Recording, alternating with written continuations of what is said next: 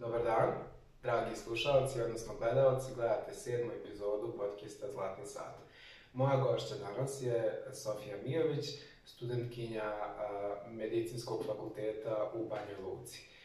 Razlog zašto je Sofija danas ovdje ugošćena je zanimljiv blog o medicini koje ona vodi. Sofija, kako si? Zdravo, Zlatko, hvala ti na pozivu, dobro sam, kako si ti? Pa evo, dobro. Zimski period i raspoloženje. Već smo pomenuli da je uh, grow plan ovog razgovora zapravo blog o medicini, ali hajde da idemo na početak. Uh, zašto medicina?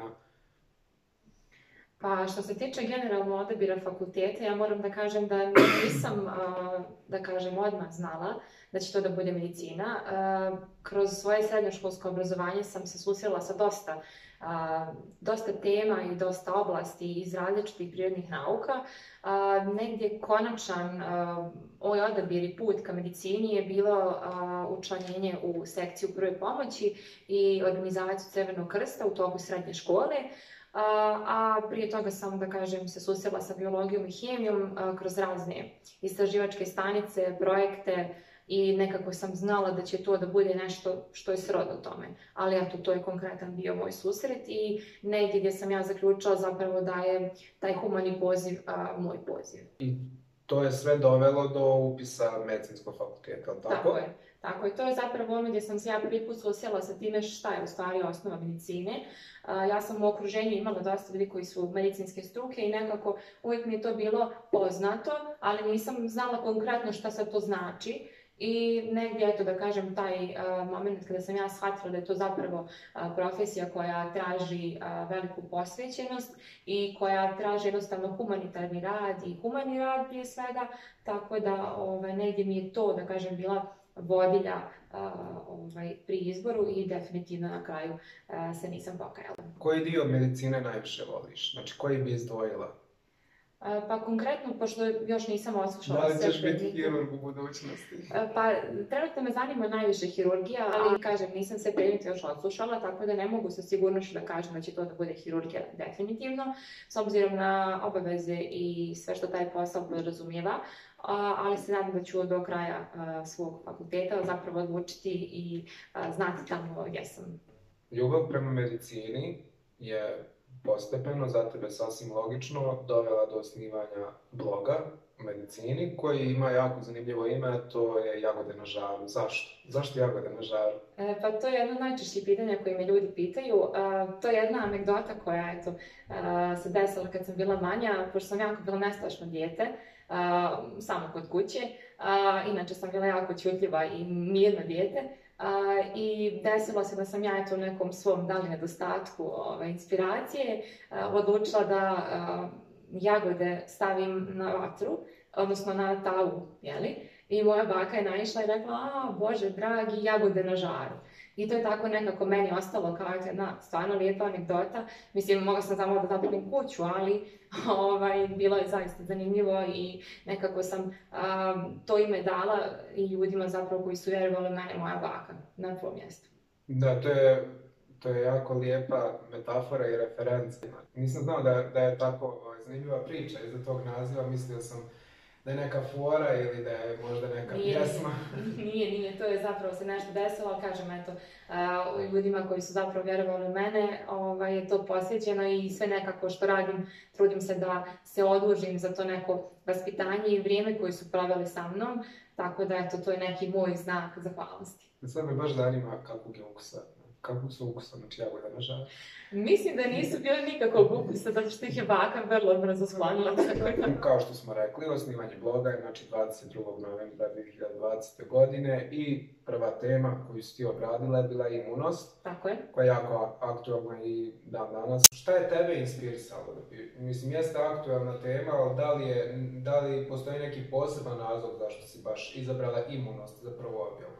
Pa što se tiče konkretno mog bloga, ja kada sam počinjala svoj blog, ja sam odlučila da to bude nešto kreativno i s obzirom da sam neko ko stvarno voli da, da piše, odlučila sam da nekako spojim te dvije ljubavi, pisanje i neku kreativnu stranu, a opet da bude tu nešto ozbiljno, odnosno medicina. Konkretno imunost, imunost je bila prva tema koju sam ja željela da, se, da, da ljudi pročitaju, zato što je bila usko vezana sa, odnosno usko vezana je sa trenutnom aktualnom koronom, odnosno COVID-19 i nekako moja ideja je bila da malo i promenim tu temu, da znači nije konstantno COVID, COVID, nego da malo bude uh, i o tome šta je imunost, kako da je popravimo, kakve tipove imunosti postoje, da ljudi jednostavno shvate da uh, to sve što se dešava ima velike veze sa, sa time i uh, kako se ljudi, da kažem, ophode prema sebi i na kraju krajeva da pozdravim ljude, odnosno da skrenem pažnju neke stvari koje možemo da uradimo kao neki alternativni put, kao ne znam što je, na primjer, fizička aktivnost, unošenje vitamina i slično, iako to nije, da kažem, odmah odbrana od COVID-a, samo kažem eto, da je to neka bila primarna ideja i mislim da je ta objava zaista onako zaživjela i da se to ljudima dopalo način na koji sam ja to onako, da kažem, na uprošćen način predstavila tako kompleksnu temu.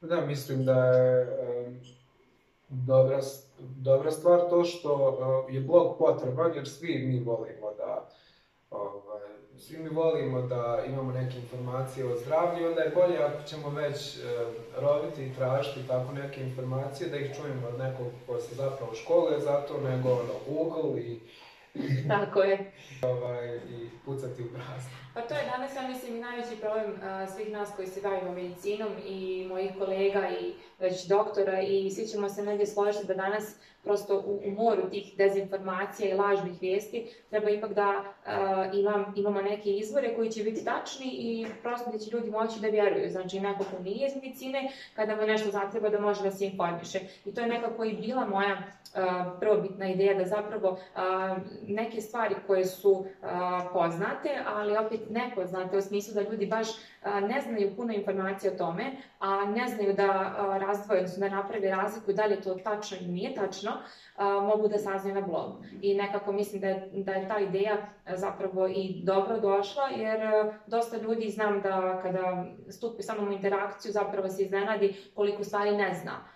Ljudima danas svašta zvuči poznato, ali opet ne znaju puno o tome. Tako da, eto, mislim da je ta ideja zapravo bila super. Da, mislim, znam da je prije bio jedan mim uh, koji je rekao uh, boli me glava, a na RS mi je rekao da će da umre. da, da, da. Na blogu si pominjala neka oboljenja kao što su Hashimoto tiroiditis, rak dojke, multipla skleroza, ALS ili amiotrofična lateralna skleroza. Uh, taj bolest recimo prije neki 7 godina bila popularna, ne znam, ko se sjeća da su bili oni neki izazovi? Da, bili su izazovi i konkretno na našem fakultetu ovaj, su bile čak ja mislim da se i danas realizuju trke za ALS gdje se prikuplja određena svota novca koja se kasnije donira za, za pomoć ljudima oboljeli od ALS-a. Što se tiče mojih objava, nekako sam gledala da budu aktuelne. Danas dosta žena, nažalost, oboljeva od Hashimotovog tiroiditisa, zatim raka dojke i mislim mm -hmm. da su to mhm. zapravo jedne danas od vodećih svjetskih bolesti i nekako sam željela kroz sve objave da skrenem pažnju ženskoj publici, ali opet i muškoj publici koji imaju mm -hmm. ženske članove porodice da pozovu i da, da kažem, upute na preventivne preglede i slično. Ukoliko naravno primijete neke promjene, ali opet i da nema nekih promjena, dobro je da se to provjeri na vrijeme, čisto da bi se jeli spriječilo.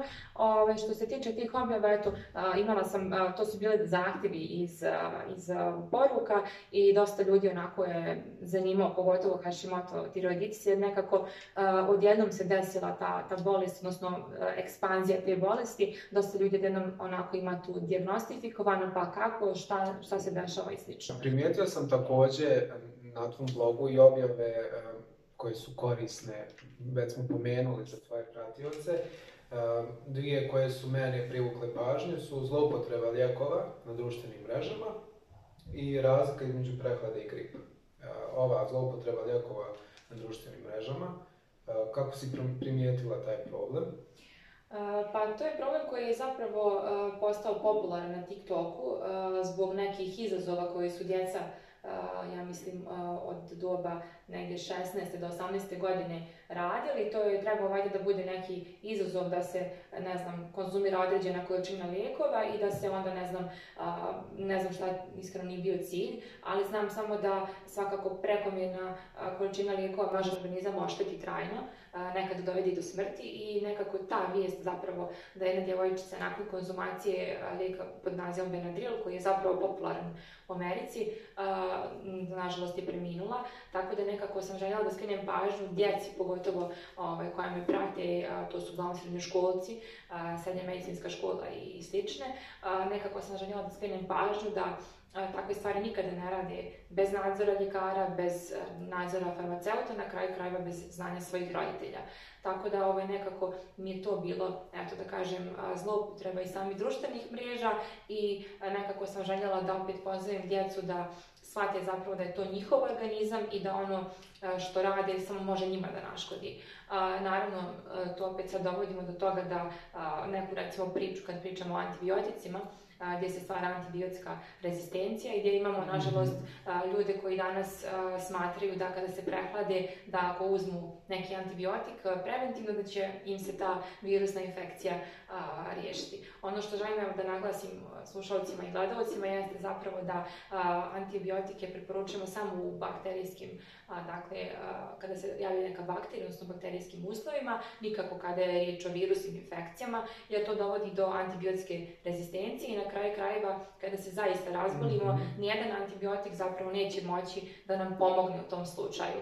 To treba to izbjegavati kod manje djece, jer na taj način zapravo se stvara ta rezistencija i opet kažem, nekada nam antibiotik neke kvalitete neće moći pomoći.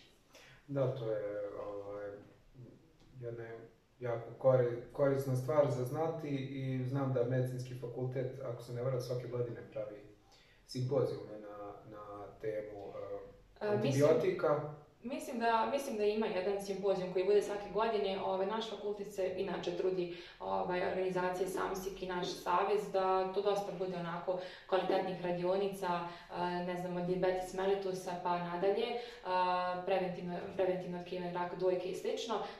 Evo, prošle sedmice je bila sedmica posvećena HIV-u, odnosno AIDS-u, tako da mislim da su to zaista jako korisne edukacije za sve naše građane, pogotovo za omladinu kada pričamo o tim seksualnim odnosima, konkretno za HIV, odnosno AIDS, tako da mislim da zapravo to su jako korisne informacije i opet oni koji žele zaista da se informišu, mogu da se informišu na ovaj ili onaj način. Ova druga tema, razlika između prehlade i gripa, koja, koja je ono svakdašnja, znači bitna je da se ponavlja i ponavlja i ponavlja i ponavlja. E, pa ono što evo, mogu da kažem jeste e, da, da ljudi zapravo i kada su bolesni treba da ostanu smireni treba zapravo da prepoznaju simptome kakve imaju.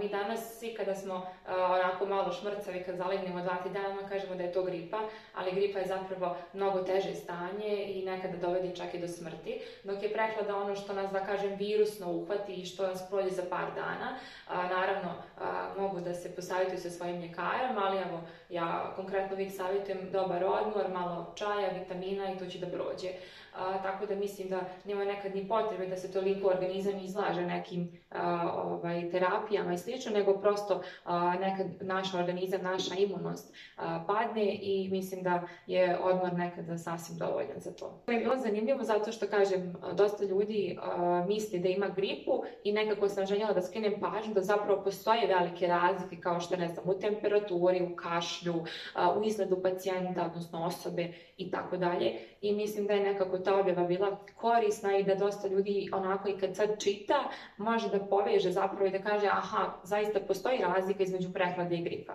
Tako da, eto.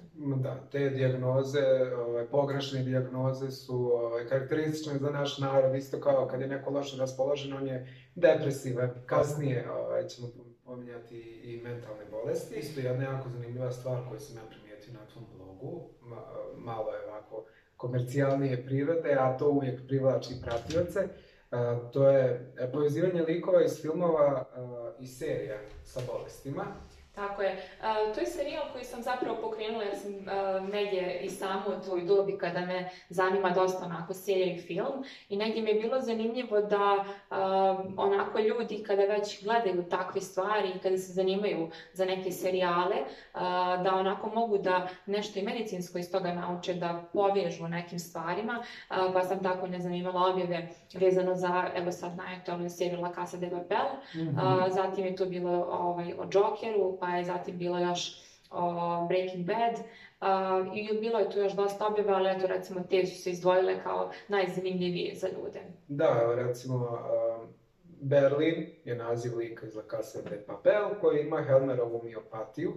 Tako je. Da li su, da li je bolest vjerodostojno prikazana? A, mislim da je bolest prikazana vjerodostojno u seriji, a, samo naravno postoje medicinske varijacije koje sam ja u svojoj objavi pokrila.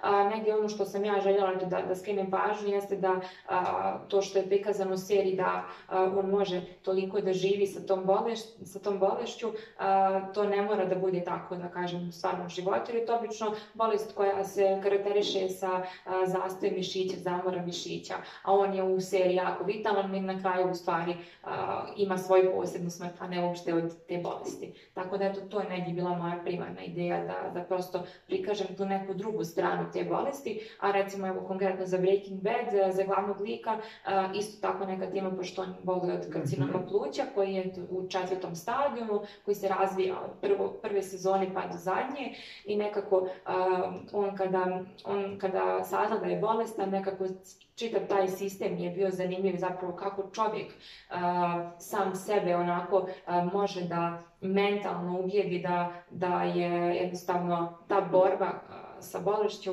nešto što je zapravo i najbitnije. I nekako mi je to bilo neka ideja, jer slušala sam i dosta njegovih monologa u kojima on zapravo i govori da nikada neće da se prestane boriti za sebe, za svoje zdravlje i to mi je to da kažem bilo onako zanimljivo što, što bi željela svakako da kažem ljudima da šta god da se dešava, da je najbitnije da ostanu vedri duhom i da budu optimistični koliko god teška situacija Da pomalo budu makijavelisti. Tako je. Ne, ne nikako ni hilisti ili slično, ali ma, može malo makijavelisti. Malo, malo. malo skroz malo. Ako je, ako je dobro docirano. Da. Pored uh, jeli, ovih, uh, da tako kažemo, fizičkih bolesti koje smo naveli, ti si uh, obradila i Jokera. To jest ovo, ovu verziju Jokera iz 2019. sa Joaquinom Phoenixom koja je manje glamurozna od uh, Jokera Kakvog smo mi navikli na. Na kakve smo mi, da, uh, ranije navikli. Mm -hmm. uh, recimo mi na fakultetu ovaj, političkih nauka baš se dosta pažnje posvetilo tom filmu, šta on predstavlja.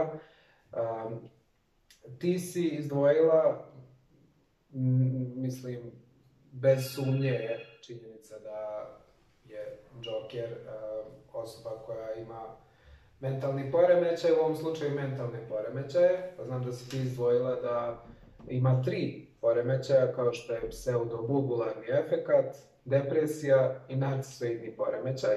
Tako je, to se može vidjeti kroz čitav film.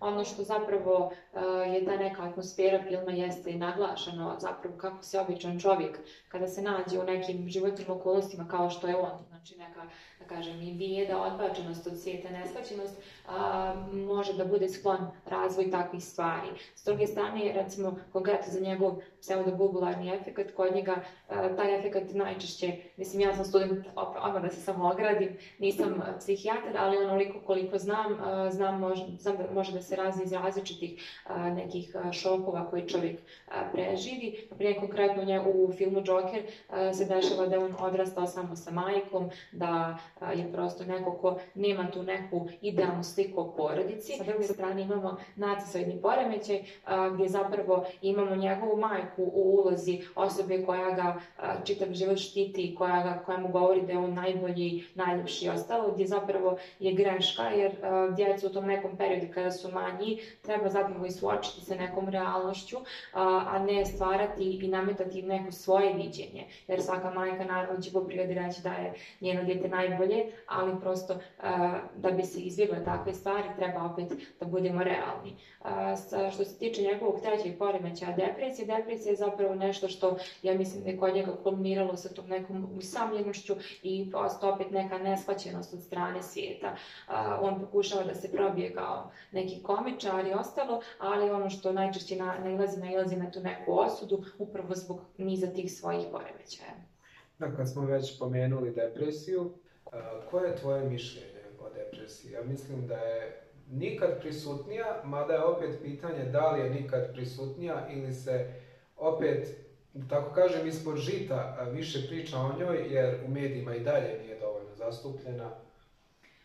Pa ja mislim da je ona danas zaista jedna ozbiljna tema i to je nešto o čemu se može satima razgovarati. Moje neko mišljenje je zapravo da svi ljudi koji smatraju da su i ove depresivni, da imaju bilo kakav problem, ne treba nikada o njemu da čute. Trebaju da razgovaraju sa nekim koga imaju povjerenja i mislim da mi još uvijek kao društvo, kao što si ti rekao da je to ispod žita, mi smo nekako kao društvo još uvijek nismo spremni da prihvatimo da je to zapravo bolest jedna. I mislimo svi da je depresija kada smo, kao što si rekao, tužni dva dana pa onda nam je sve super.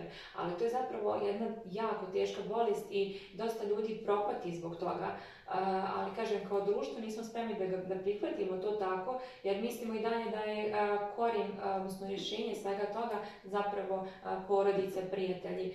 Ljudi ne shvataju da, da neko može da razvije depresiju upravo zbog porodice, zbog prijatelja, zbog odbačenosti i slično.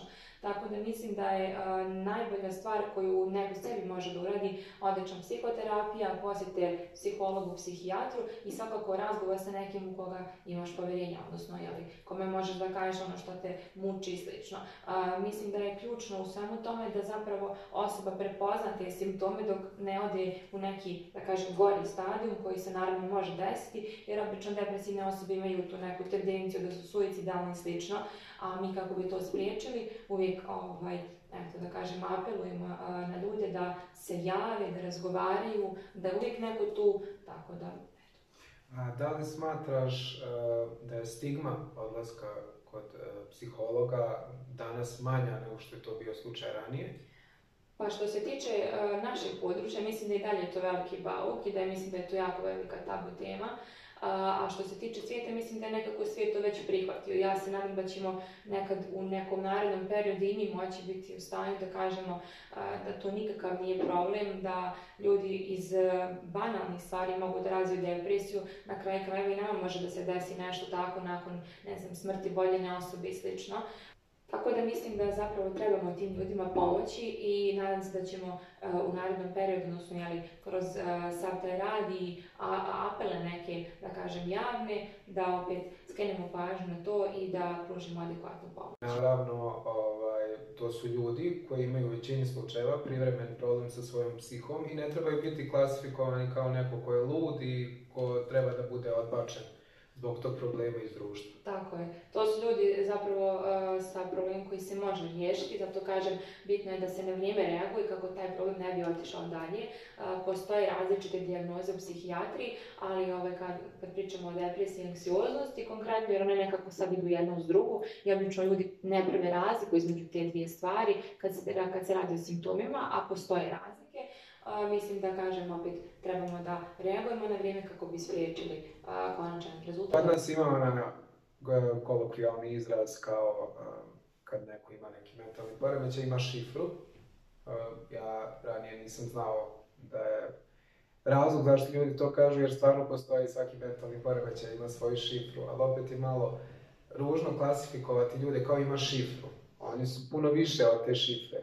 Taj mentalni poremećaj, sam privremeni problem ne treba da čini čitav nečiji identitet. Tako je, i ne treba, naravno, da ljudi ne trebaju da na tome izglede svoj identitet i da se osjećaju loše zbog toga ili da budu odbačeni na bilo koji način. Kao što sam već rekla, može se dešavati da a, i neko od, da kažem, skroz normalnih ljudi desi se neka situacija i da prosto čovjek potone na taj način, da psihički više nije na tom nivou kakav je prije bio. Apelujem da ljudi na vrijeme otkriju svoje simptome kako bi mogli da se izliječe kako treba, odnosno da dobiju adekvatnu podršku i pomoć i na kraju krajeva da se vrate na taj neki svakodnevni nivo, odnosno na nivo na kojem su prije bili.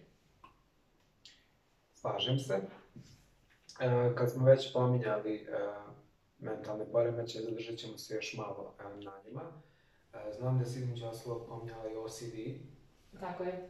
To je isto ovaj, jedna bojka, da je tako laički nazovemo, koja je prisutna kod uh, dosta naših vršnjaka, samo što se o tome ne priča, jer neki ljudi, recimo, uh, ko je perfekcionista, on ne smatra da je to OCD, ali uh, obsesivno kompulsivni poremećaj, da, ko ne zna zašto je skraćenica OCD ili kod nas je OKP, jel? Tako je. Kako si ti došla do ideje da ga istražiš? Pa nekako to je bio već negdje, da kažem, sami kraj tog serijala koji je bio posvećen mentalnoj higijeni, mentalnom zdravlju. A, s obzirom da je, eto da kažem, mene iznenadila činjenica kada sam čitala da je u Bosni i Hercegovini u periodu početka pandemije preko 9,8 miliona konvertibilnih maraka potrošeno zapravo na a, prodaju, odnosno kupovinu samih antidepresiva i negdje me to, da kažem, zapanjilo zato što sam zapravo stekla utisak da dosta ljudi je zbog zatvorenosti, zbog karantina, zbog covida, zbog možda nedostatka i mogućnosti putovanja, gubitka posla i slično, nekako me to pokrenulo da, da napravim to, taj neki serijal. A, što se tiče konkretno OCD, odnosno ili OKP, a, taj, taj poremećaj je nekako poremećaj koji se, kao što si rekao, često miješa sa perfekcionizmom. To je zapravo poremećaj koji se ne može kontrolisati. A, osoba, osoba koja ima OKP, ona, ona, ona zna da ona to ima, ali prosto je to drugačije kad poredimo sa perfekcionizmom. Perfekcionista je opet neko ko ima neku svoju mjeru, ko, ko opet može da kaže a, ok, to ću sad da uradim tako, ali mora da bude savršeno. A neko ko je, o, ka- neko ko je diagnostifikovan sa OKP-om opet ima potrebu da... a, Njima nikad nije savršeno. da, opet ima potrebu da iznova, iznova nešto radi, a, sve dok jednog momenta tu dok zaista, da kažem, ne pomisli da je to savršeno i da je to dovoljno. E tu onda već pravi neku a, onakvu granicu i tu, tu staje ovaj, sa tom nekom ranjem kao što je recimo pranje ruku, zaključavanje kuće, konkretno, ne znam, preskakanje određenih kockica jer će se desiti nešto loše i tako. Da, mislim, svakako tema koja treba da bude aktualna i treba da bude još što više istražena. Znam da si e, jedna takođe zanimljiva objava sa malo komercijalnog začina je bila likovi iz Winnie crtića, i svaki od tih likova a, predstavlja jedan mentalni poremećaj. Jeste, e, to je, to je neki podatak koji sam slučajno otkrila i bilo mi onako jako čudno jer eto, čitav život sam gledala taj crtač i zapravo nisam ni znala šta to znači. Kako sam ja eto našla podatke, taj pisac Kristofer je zapravo e, napisao a, kao jednu bajku za svog sina Kristofera koji je opet bio a, dijagnostifikovan sa šizofrenijom i zapravo zbog toga što je još u to vrijeme ta, ta drama, odnosno taj, a, ta bajka je nastala negdje a, početkom 20. vijeka, a, zbog naravno nedostatka informacija i neznanja ljudi, njegov sin je dosta bio odbačen zbog toga, te mu je on, da kažem, na taj način izmislio neke prijatelje. Ono što možemo da vidimo, možemo da vidimo znači glavnog lika Winnie Pooha, kojim je dijagnostifikovan poremećaj ishrane, odnosno ovaj, gojaznost, kako se navodi ovaj, objašnjenju same, same bajke.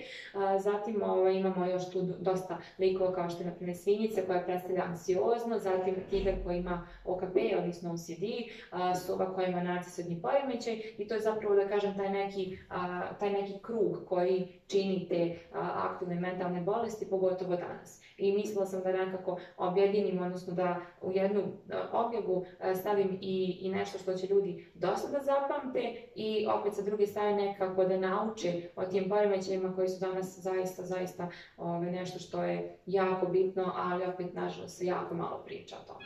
Da, nešto što će biti e, zanimljivo i onda će, do, onda će do, dovoditi do zaključaka, lakše će jeli, ovaj, prihvatiti neke informacije, a pritom će se zabaviti. Pa zanimljivo je, dosta ljudi ovaj, im se svidjela ideja, dosta ljudi mi je reklo da zapravo nisu nikad ni pomislili da se tako teška priča a, krije iza tako a, slatkog jel, ovaj, ekranizovanog crtača. Reci mi, ali da li je, ukoliko su se stvorili likovi koji predstavljaju mentalne poremećaje, da li je to glorifikacija mentalnih poremećaja ili je jednostavno način da se i najmlađi, a i svi gledalci upoznaju sa njima, jer ja znam kao dijete nikad nisam pomišljao na to gledajući te crtane. Mislim da je to nekako više onako umjetnička interpretacija, da je to nekako njegov doživljaj, a, možda mu je da kažem na, na samu karakterizaciju lika bilo lakše da a, prikači određeni poremećaj s obzirom na njihov izgled, na njihovo ponašanje. Mislim da je više o, o tome bila riječ. Ono što je, ljudi, ljudi to nisu znali jer ja mislim da to toliko nije ni bilo dostupno, nije se baš onako zadiralo duboko, a sad evo vidim dosta i po društvenim mrežama da a, se sve više i u ti Disneyjeve bajke, pa čak i braći Grimm, da se onako dosta traži neka suština i dubina, jer zapravo svi nose neku dublju poruku i slično. Pa da, mislim imamo i ovaj slučaj sa uspavanom ljepoticom gdje, gdje se po prvi put ispričala prije nekoliko godina uh, priča iz vizure jeli, negativca, Da. koja onda mijenja potpuno smisao čitave bajke. Da, ali dobro, Pa mislim ja volim taj film, ali Meni je to isto zanimljivo, ove, ali Vidim. kažem, eto, ove, bilo mi je ovo nekako onako nešto što stvarno nisam znala, eto, do prije možda pola godine. zanimljivo u svakom slučaju. Jeste. A, ono što također možemo da primijetimo a, na Instagram profilu tog blo- bloga o medicini koji se zove Jagode na žaru, ponavljamo, a, su naglasci, odnosno highlight, highlightovi storija. Jedan od njih je, kol- koliko sam uspio da primijetim, nedavno si ga postavila, pokrenula, da tako kažemo, zove se intervju sa specijalizantima. E, tako je, to je bio serijal, s obzirom da je moj blog studentski blog i kao što, ovaj, kao što sam i sama, uvijek tražim nekako informacije i nešto da čujem iz prve ruke. I neka moja početna ideja je zapravo bila da se moje kolege koji me prate upoznaju bliže sa nekom specijalizacijom. A, tako da taj serijal je tek počeo, dobila sam dosta pozitivnih kritika o tome i dosta pohvala da je odličan i prilika jer tu opet i kolege i iz Srbije, iz Crne Gore, i iz Hrvatske mogu da dobiju dosta informacija, da pitaju kod mene na profilu i onda će taj specijalizant ukoliko je naravno mogućnosti na to pitanje da odgovori. A, mislim da je to tek početak i nadam se da ću u budućnosti naći adekvatne sagovornike za to i ove, mislim da će serijal da bude još bolji. A, Primijetio sam u tvojim highlightovima također a, imaš i highlight koji se zove Q&A, znači pitanje i odgovori, gdje ti odgovaraš na neka bitna pitanja, znači informacije o studiranju medicine i vidio sam da si konkretno pisala o informacijama koje se tiču prijemnog ispita. Da, da.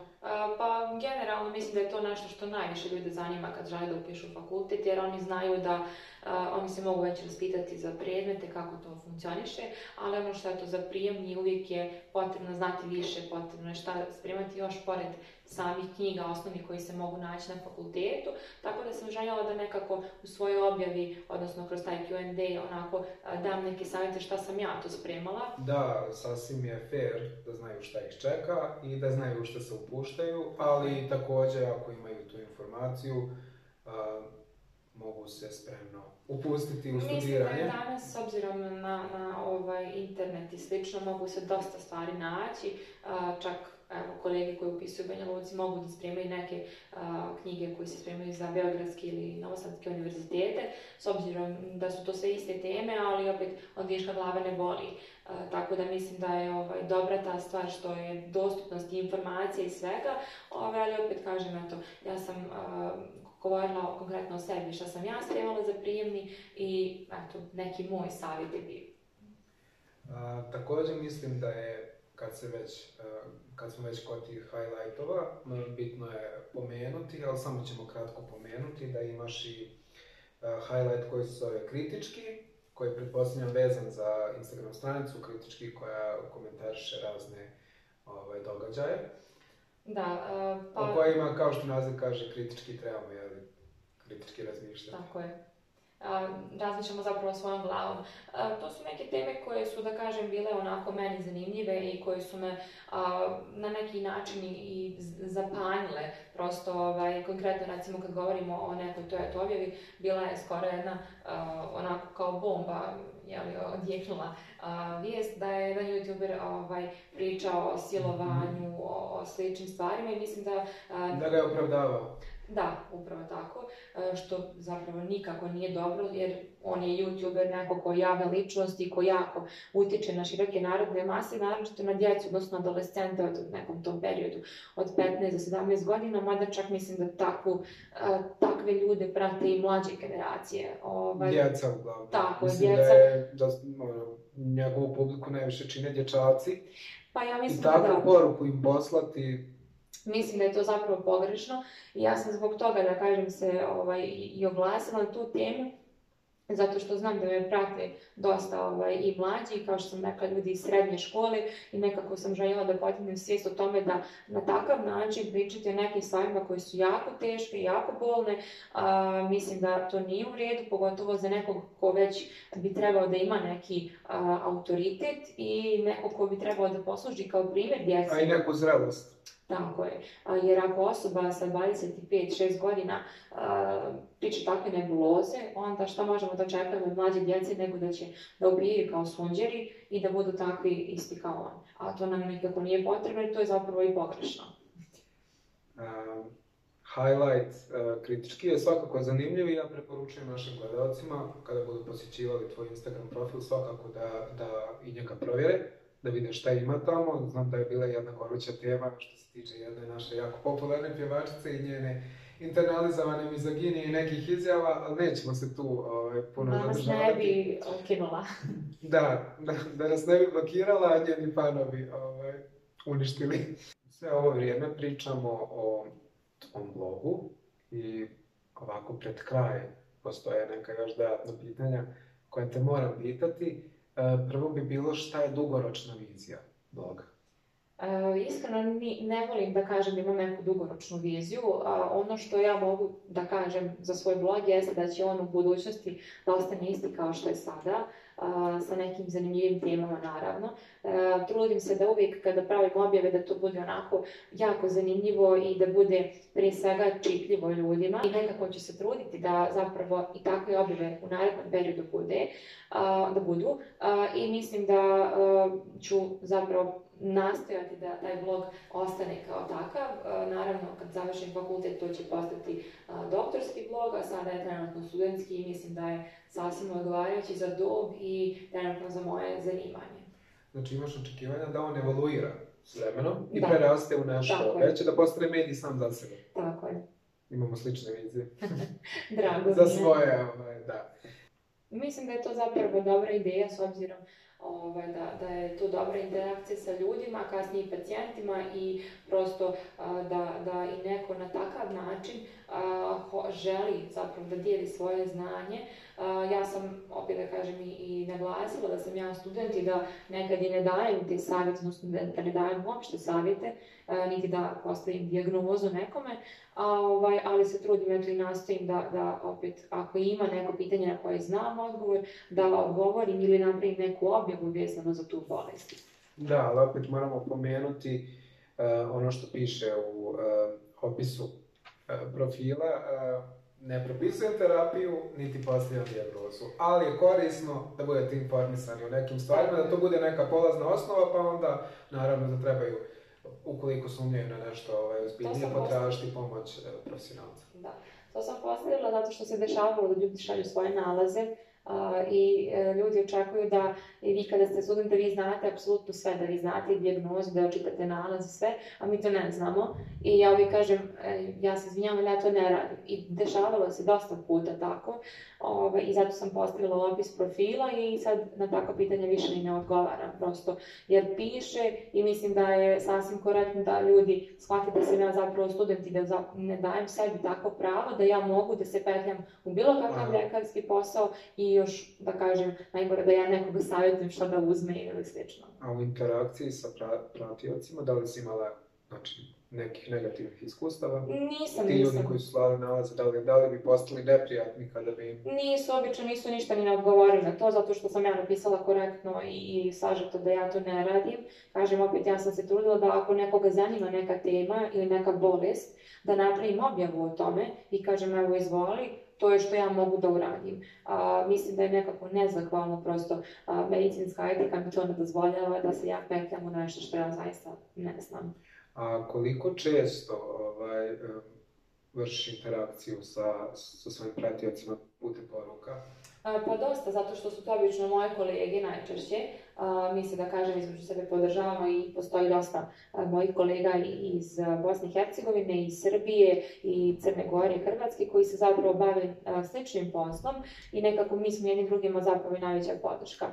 Što se tiče ljudi koji se ne bave time, koji su samo pratioci, obično dosta ima u toku mojih kvizova koje organizujem na profilu. Trudim se da to bude što češće jer sam shvatila da to zapravo ljude animira i da tako najbolje i pamte. A i podiže engagement? Jeste, Spojila si ugodno sa korisnim? jeste. Ove, mislim nekako, trudim se da, te, da ta pitanja koja stavljam u te kvizove budu najčešće iz objava, tako da i ako ne znaju odgovor, mogu da baci pogled i da zapamte tako neke stvari. Znači, za to odgovaranje poruka možemo ovaj, da stavimo ovaj, onaj jel, disclaimer koji je na Messengeru kao usually, jeli, Da, obično odgovara u oko 24 typically sata. da. Da. Eto, ko je, ko je zainteresovan, naravno u nekom razumnom okviru, da sazna neku korisnu informaciju, možete kontaktirati. Naravno. Preko- Ili može naravno predloži neku temu a, koja, eto, ako se meni učini da ja mogu da pronađem informacije i da prosto poznajem srž problema tog, mogu da napravim objavu i mislim da će tako da bude, da budu obje strane zadovoljne. E sad, ono što mene zanima, a vjerujem i većinu, odnosno da su se zapitali, student medicine ima blog, a mi znamo koliko studenti medicine su ovaj, uvijek zauzeti, uvijek imaju milion obaveza, što fakultetskih, što e, drugih. E, da li imaš vremena da vodiš blog onako kako, kako ti želiš? Uh, iskreno da budem, nekad nemam vremena, ali obično se trudim da, da isplaniram svoje vrijeme i da sve to stignem. Uh, naravno, tu u početku mog vloga je postojala i pomoć i ponekad kad ja ne mogu zaista da stignem ili nešto ne umijem da napravim, uh, tu je podrška mojih prijatelja, evo da ovim putem svog prijatelja Pavla, koji mi je dosta pomogao što se tiče dizajna i ideja. Tako da ovaj, uh, imam tu podršku prijatelja, ali se trudim da ideje i koncepte uh, kao i sam dizajn pravim najčešće sama. Nekad mi se desi da zaista nemam vremena da to stignem da završim, ali ovaj, eto kažem, uh, trudim se da organizujem vrijeme i na kraju krajeva da te objave budu kvalitetne. Zato to najčešće radim i po, nekad po 15-20 dana, a kada nemam ideja trudim se da ništa ni ne objavljujem, nego prosto da odradim neki kriz, neku drugu interakciju i na taj način da animiram svoje pratioce da nekako ostanu u kontaktu sa mnom, a opet da ne budu ljuti što nema redovnih objava. A da li si ikako imala neko mentalno sagorijevanje da, da se zasitiš rada na blogu i da jednostavno uzmeš pauzu i neko vrijeme mu se uopšte ne, ne posvećuješ? Pa imala sam period, možda to negdje na ljeto najčešće se dešava, mislim, pošto tek godina dana bloga, ovo ljeto, malo sam onako uzela vremena da razmislim a, u kom pravcu će taj blog da ide, kako će objave da budu i evo, nisam dosta nešto u zadnje vrijeme ni objavljivala, prosto nemam te neke inspiracije da mi objave budu kvalitetne kao što su bile a, prije. Tako da sam odlučila da ipak sačekam, sad radim jednu jako zanimljivu... Znači kvalitet, ne kvantitet. Tako je. Sad radim jednu jako zanimljivu temu, trebala bi da izađe objava sljedeće sedmice, tako da ovaj, neću ništa da otkrivam, vidjet ćete. Zapratite me na blogu. Da, svakako uh, Sofiju zapratite na njenom blogu et jagode na žaru, odnosno zaru. Dole ćemo napisati uh, username. On se već pojavio i nestao. Uh, tebi hvala što si bila gost sedme epizode podcasta Zlatni sat. Um, ja se nadam da ćemo se mi nekad uh, u buduće opet sretati, da će uh, tvoj blog evaluirati, kao što, kao što ja imam nade za ovaj podcast, da će prerasti nešto više i veće i kao što sam rekao nekim svojim ranijim ovaj, gostima, onda da se za par godina ono, ponovo vidimo i podvučemo crtu um, koliko je naš uspjeh porastao u sad zavisi koliko godina, sa, svojim, sa jednom od svojih prošlih uh, gošći je to bilo pet godina. A može biti manje. Hvala ti Zlatko na lijepim željama. Ja želim tebi puno sreće također sa ovim postom, sa podcastom i nadam se da sljedeći put kad se vidimo da ćemo moći da uvidimo kako smo zapravo napredovali, koliko god to bilo, pa makar i dvije godine, tri godine, nije bitno, ali eto, nadam se da ćemo ovo da napravimo veliki uspjeh i ja želim se zahvaliti na pozivu. Hvala tebi što si se odazvala. Nema na čemu. I dragi gledalci, gledali ste uh, sedmu epizodu podcasta Zlatni sat. Uh, gledajte uh, i pređašnje epizode ukoliko niste ili ukoliko želite da se podsjetite Um, ima tu dosta zanimljivih tema. Zapratite nas na Instagramu, at Zlatni sat podcast. Pratite nas i na TikToku, Zlatni sat. A također nije zgoreg uh, da napomenemo ponovo, uh, Sofiju možete zapratiti na njenom uh, Instagram profilu, odnosno profilu bloga Jagode na žaru, odnosno Jagode na zaru. A mi se vidimo, odnosno družimo već u idućoj epizodi podcasta Zlatni sat. Prijatno!